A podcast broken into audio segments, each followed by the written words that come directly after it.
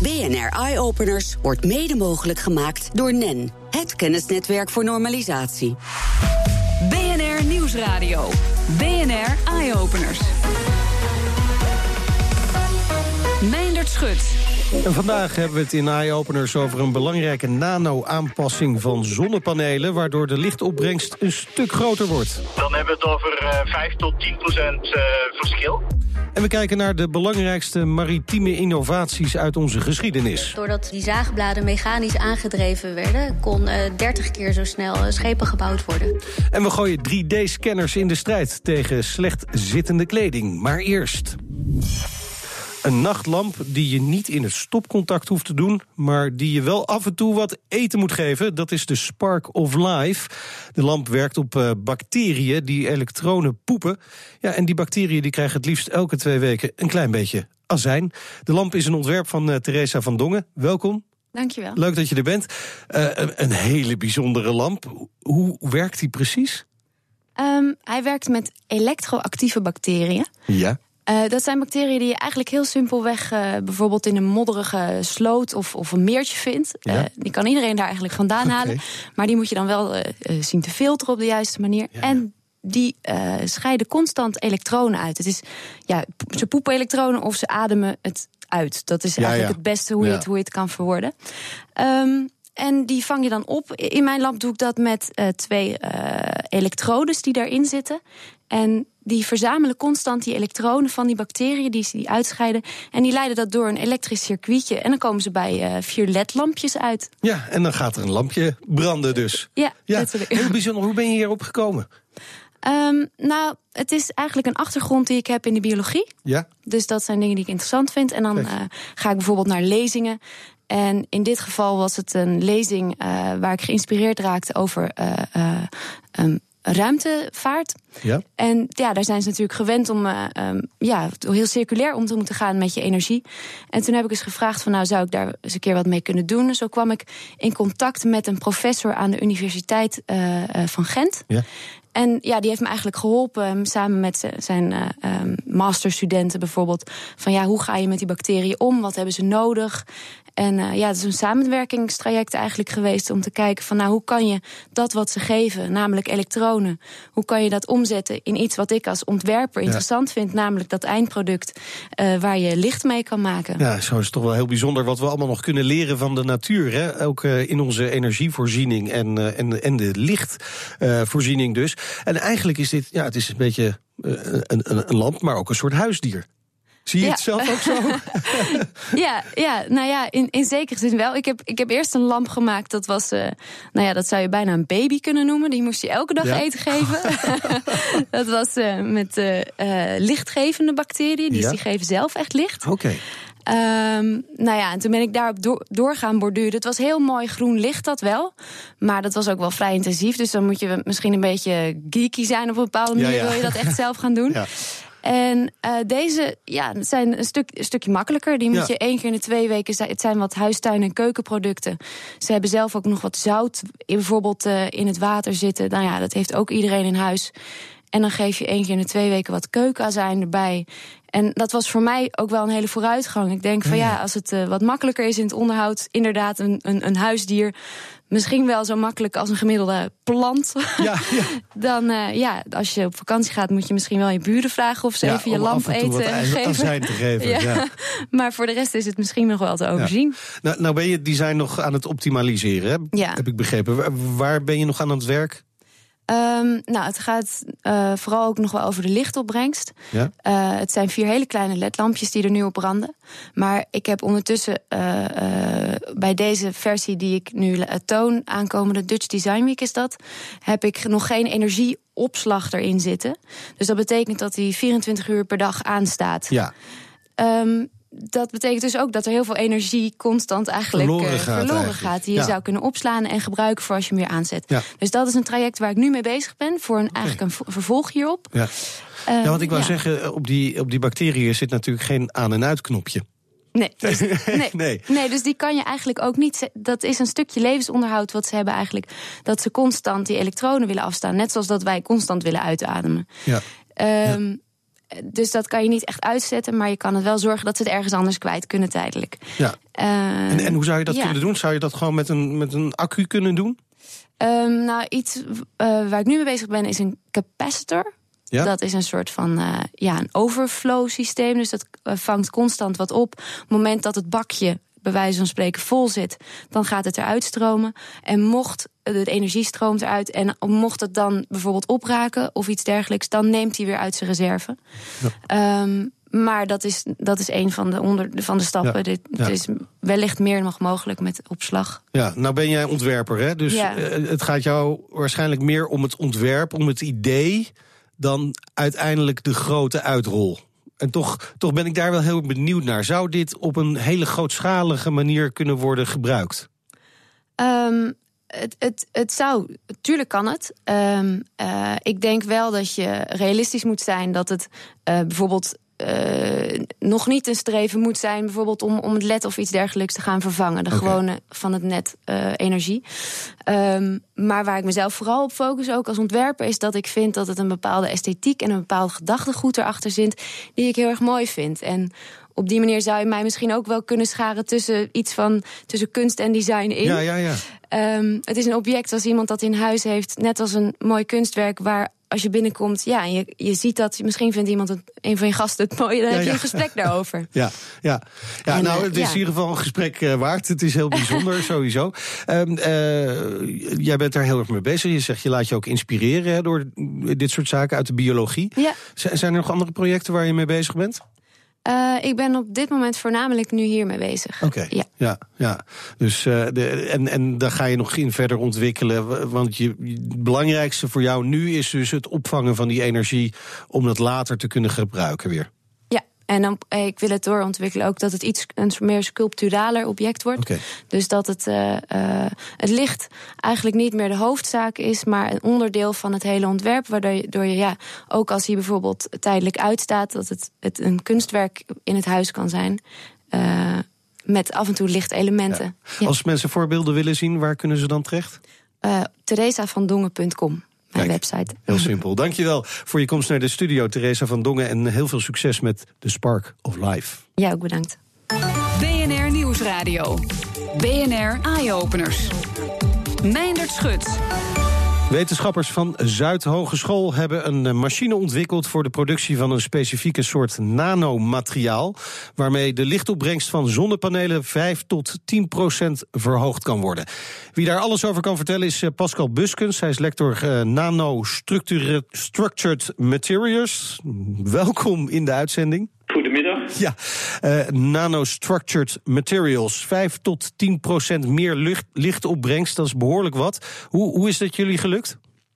Dat klopt. Uh, wat wij uh, doen is, wij ontwikkelen een heel specifiek type nanomateriaal. Dus dat zijn materialen met hele kleine structuurtjes. En die bouwen wij eigenlijk in in een zonnepaneel zoals dat standaard op je dak ligt. Ja. En als je dat op de juiste manier inbouwt, dan uh, lukt het uh, om uiteindelijk meer licht in het paneel te krijgen. En 5 tot 10 procent uh, meer lichtopbrengst, dus meer licht in je zonnecel, betekent ook uiteindelijk uit hetzelfde paneel 5 tot 10 procent meer stroom. Ja, maar hoe hebben jullie dat in dat paneel weten te krijgen, in die folie? Ja, dat, uh, wij uh, integreren dat uh, nanomateriaal in een folie. Als je goed naar een zonnepaneel kijkt en je kijkt hoe het opgebouwd is, dan zie je eigenlijk dat het opgebouwd is uit hele dunne plakjes. Dat noemen ze wafers. Daar in die wafer wordt daadwerkelijk het licht omgezet naar elektriciteit. En die wafers die worden eigenlijk tegen een bovenglasplaat aangeplakt. En daar gebruik je een folie voor. En die folie die dient er normaal eigenlijk alleen voor om die zonnecel goed op elkaar te plakken. En wat wij eigenlijk doen met onze nanomaterialen is daar een heel geraffineerde functionaliteit aan meegeven.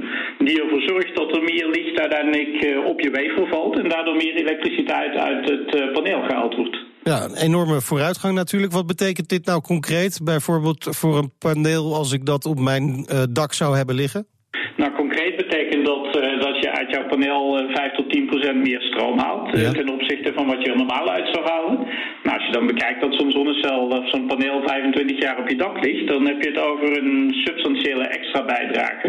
En dat betekent uiteindelijk dus ook dat de stroom die vanuit jouw zonnepaneel geleverd gaat worden goedkoper is dan wanneer je dit materiaal niet gebruikt. Ja, en is het dan ook zo dat uh, een zonnepaneel met deze techniek ook bij bewolking al rendeert bijvoorbeeld?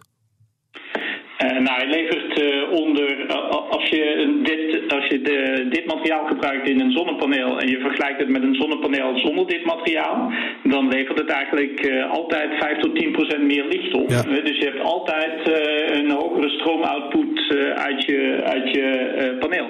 Kijk, en dus ook als de weersomstandigheden iets ongunstiger zijn. Ja, en zo levert dat steeds meer op natuurlijk. Jullie hebben er een speciale reactor voor moeten ontwikkelen om dit voor elkaar te krijgen, begrijp ik?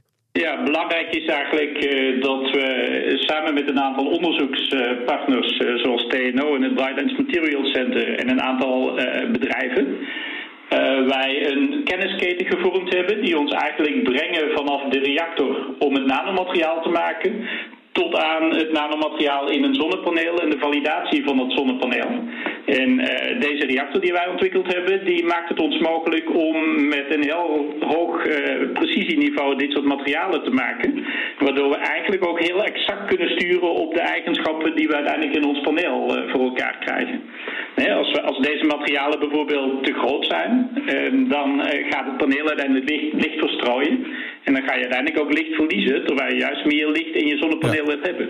Dus controle over de grootte en de samenstelling van het materiaal en de vorm is eigenlijk essentieel voor de functionaliteit van je paneel.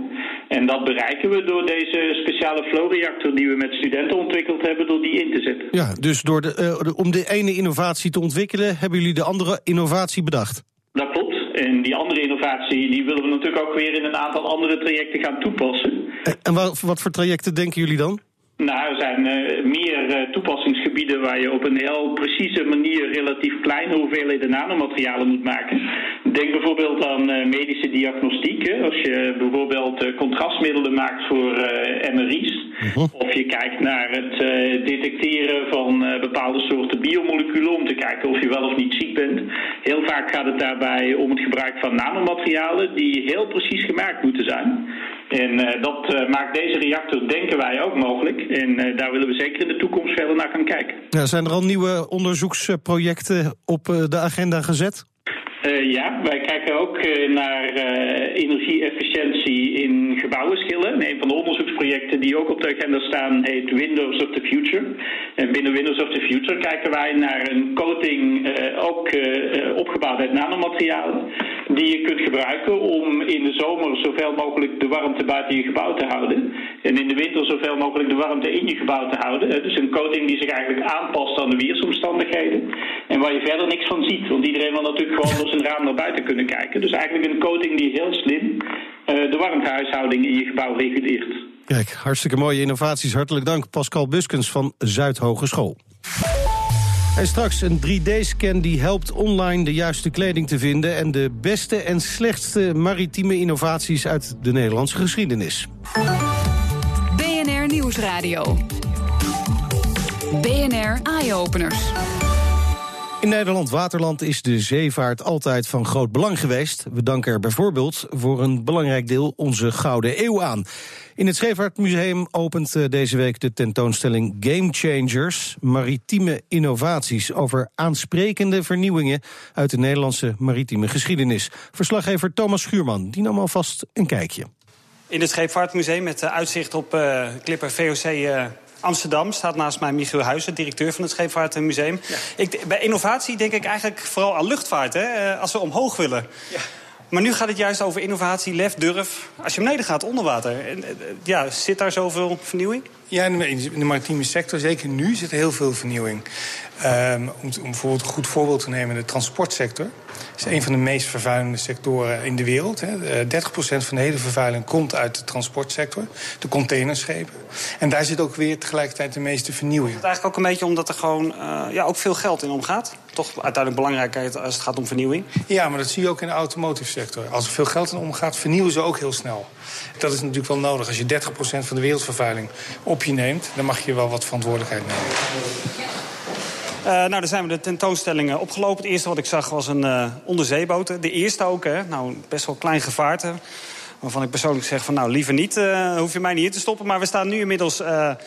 Ja, eigenlijk naast een replica van een, van een molen eigenlijk. Naast mij ook Sarah Keizer, conservator van deze tentoonstelling. Van waar deze molen?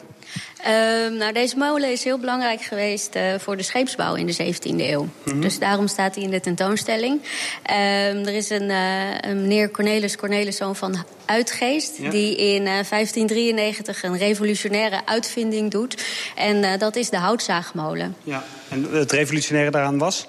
Um, nou ja, hij plaatst een krukas in die molen, waardoor uh, de draaiende beweging van de wieken omgezet kon worden in een op- en neergaande. Mm-hmm. En uh, ja, doordat uh, die zaagbladen mechanisch aangedreven werden, kon 30 keer zo snel schepen gebouwd worden. Ja, en dat betekent dus aan de vooravond van de 17e eeuw dat het los kon gaan in Nederland. Ja, dat uh, is absoluut waar. Dus ja. dankzij deze Cornelis Cornelis en dan, wat was zijn achternaam ook alweer? Cornelis Corneliszoon van Uitgeest. Danken wij eigenlijk onze VOC-mentaliteit? Oeh, nou daar doe ik geen uitspraak over. Nou, we, hebben de tentoonstelling een beetje doorlopen zijn in, uh, in het verleden begonnen. Althans in, het, in de 16e eeuw zo'n beetje. En nu staan we in het heden. En voor mij, ja, laat ik zeggen, een eenpersoons duikboot. Uh, het doet een beetje denken aan een James Bond-achtig ding voor mij. Maar het is wel een hele belangrijke. We heeft namelijk de Piet de Jong Innovatieprijs gewonnen in 2016. De uitvinding van Philip Jonker. Wat maakt deze zo bijzonder? Uh, het bijzondere is dat uh, de actieradius van een duiker enorm vergroot wordt. Omdat je met uh, zo'n submersible lange afstanden onder water kunt afleggen. Ja, horizontaal hè? Ja, horizontaal. Dat is wel belangrijk. Hij kan volgens mij 50 meter diep. Ja. Toch nog wel. En wat maakt ja, deze kano als het ware zo belangrijk voor de maritieme sector?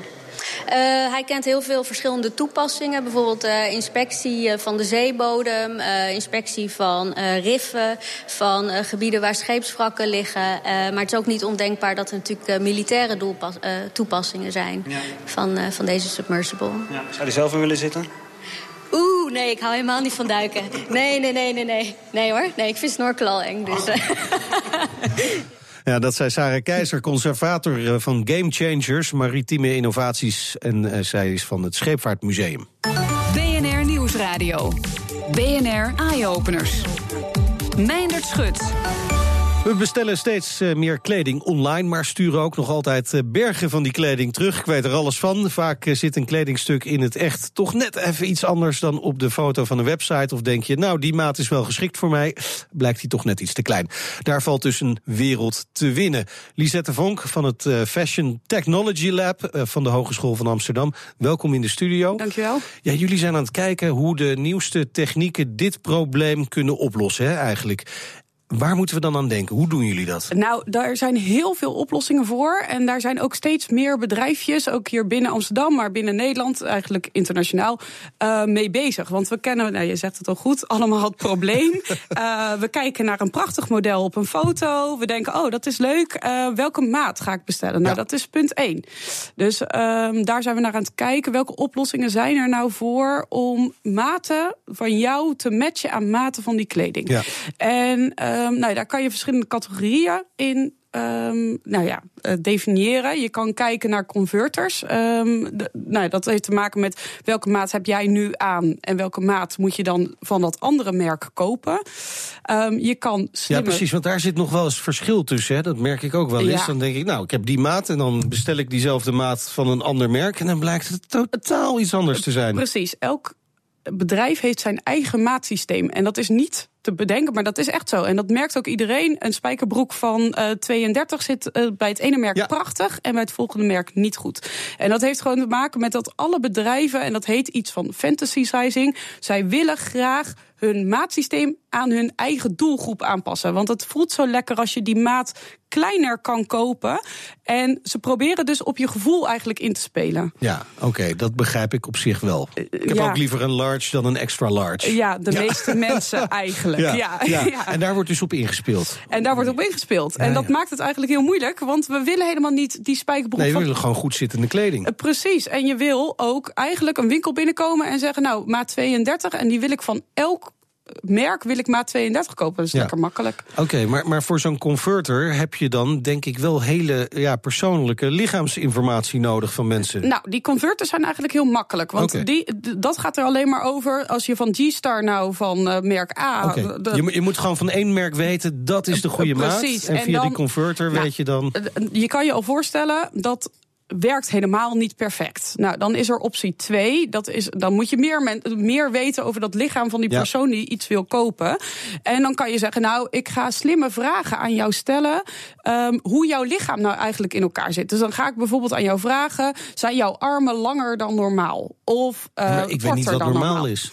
Nee, en uh, precies, en daar hebben we onderzoek naar gedaan. Okay. En het grappige is wel, je kan best wel veel, als je de goede vragen okay. stelt uh, aan iemand, kan je al best wel wat lichaamsinformatie verzamelen. Want er zullen nu mensen luisteren en die denken: ik weet heel goed dat mijn armen wat langer zijn ja, dan ja. normaal, want mijn mijn shirts zijn altijd te kort. Okay. Nou, dat is ook geen perfecte nee.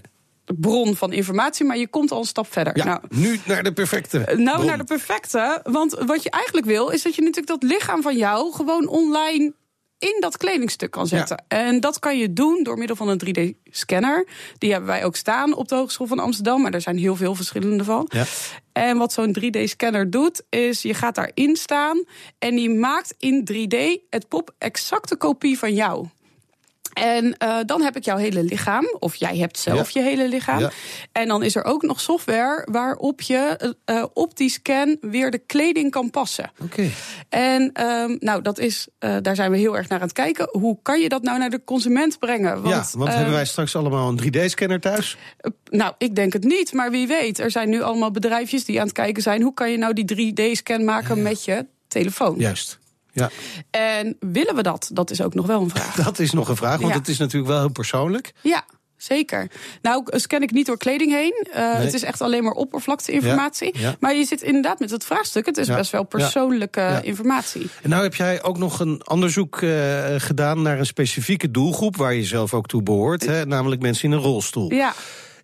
Is het, is het voor deze doelgroep extra moeilijk? Ja, dat is, het is extra moeilijk. Wat uit dat onderzoek blijkt, is het extra moeilijk om kleding te vinden die Ja. past.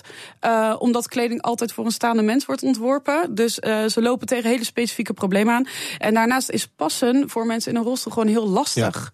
Want um, nou ja, de pashokjes zijn niet toegankelijk als de winkels al toegankelijk zijn. Precies, ja. En even gaan staan is over het algemeen een probleem. Ja. En, en daar kan zo'n 3D-scan heel erg goed bij helpen. Ja, we, wat we hebben gedaan is, uh, er is een, uh, zijn bedrijven die maken al rolstoelkleding. Eén daarvan die heeft ook een 3D-scanner staan. We hebben scans gemaakt van, die, uh, van zittende personen. En we hebben gekeken, nou kunnen we nou met software daarop passen? Nou, dat, dat is stap één en dat blijkt te kunnen. Dus nu is het de uitdaging om dat inderdaad naar de winkels te brengen. Ja. Nou, ik hoop dat dat gaat lukken. Ja. Heel veel succes met het uh, onderzoek. Dankjewel. En zo komen we een stapje dichterbij voor iedereen om uh, betere kleding uh, uit te zoeken. Ja. Dankjewel, Lisette Vonk van het Fashion Technology Lab van de Hogeschool van Amsterdam. Nogmaals veel succes. En dat was hem voor vandaag. Meer innovaties met impact vind je op bnr.nl slash eyeopeners. Op Twitter vind je ons via BNR Innovatie. En de hele uitzending die kun je gewoon terugluisteren als podcast via iTunes en Spotify. En je hoort ons in de toekomst. BNR Eye Openers wordt mede mogelijk gemaakt door NEN, het kennisnetwerk voor normalisatie.